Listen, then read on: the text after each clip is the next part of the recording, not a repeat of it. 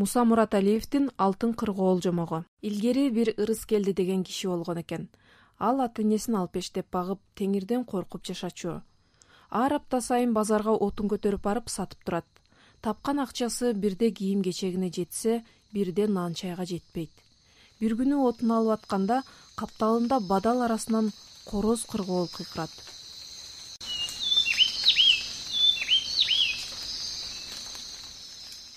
бадалды аралай басса шибердин үстүндө чырмоокко буту чалынган кыргоол жатат. Жүнү кулпунуп алтынга окшош жалт жулт этет. Ырыскелди кыргоолдун шыйрактарын чырмооктон бошотуп атып эмнегедир кушту кое бергиси келип кетет. Бирок башына кийин бир мергендин олжосу же ири тумшук алгыр куштун жеми болоор деген ой келет да андан көрө деп ырыскелди кыргоолду үйүнө алып кетет ошондон тарта рыскелдинин бүлөсү кыргоолду бапес менен багат. Айры куйрукка алдырбай ичерине деп суу жемине деп жүгөрү таруу камдашат. Күндөрдүн бир күнүндө рыскелди кыргоолду көрөйүнчү деп барса куштун бир тал канаты жерде жатат. Колуна алса алтын болуп кубула түшөт. Көргөн көзүнө ишенбей базардагы зергерге алып барат зергер лам дебестен канатты көмүркөйүнө салат да акыны мол төлөйт рыскелди ал күнү базардан толгон токой дүр дүйнө алып үйүнө кайтат. Акыры рыскелдинин жашоо тиричилиги оңолот. Кыргоол түлөгөн сайын анын жүнүн базарга алып барып сатып маарый баштайт. Бир жолу хандын баш вазири базар аралап жүрүп куштун канатына окшогон чылк алтындан согулган буюмга көзү түшөт. Аны хан сарайына алып келип алтын чапкан зергерчилерин чогултуп мындай ажайып буюм чабыш кимдин колунан келди деп сурайт зергерчилери мындай буюм жасаш адам баласынын колунан кийилбейт деп жооп беришет. Ары жүгүрүп бери жүгүрүп акыры алтынды сатып жүргөн кишини билишет.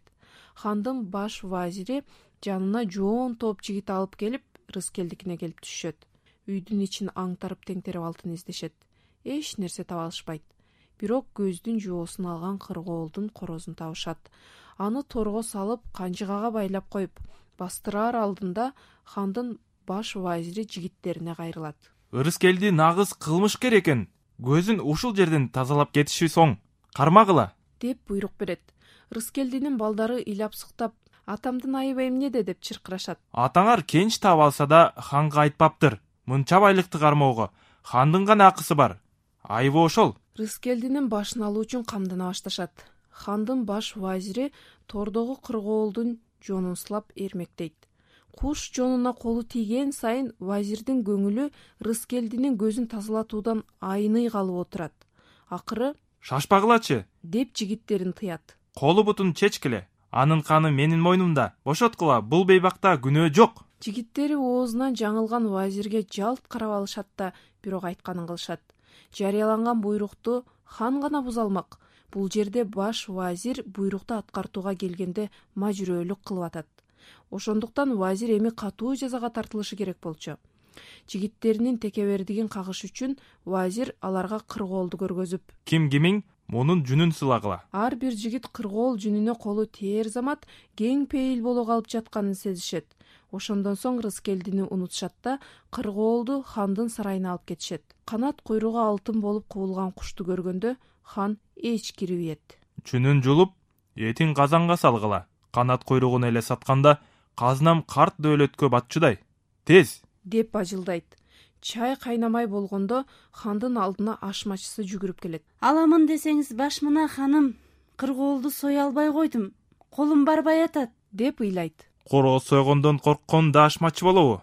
Деп нааразы болгон хан кылычын кынынан суура басып ашканага кирет да кыргоолдун башын кыя чабат мистабакка калдырт деп түшкөн куш жаны чыкканча тыбырчылап чимирик ата баштайт. Демейде кулпунган канат куйрук жүнү кадимки эле кыргоол куштун жүнү болуп калат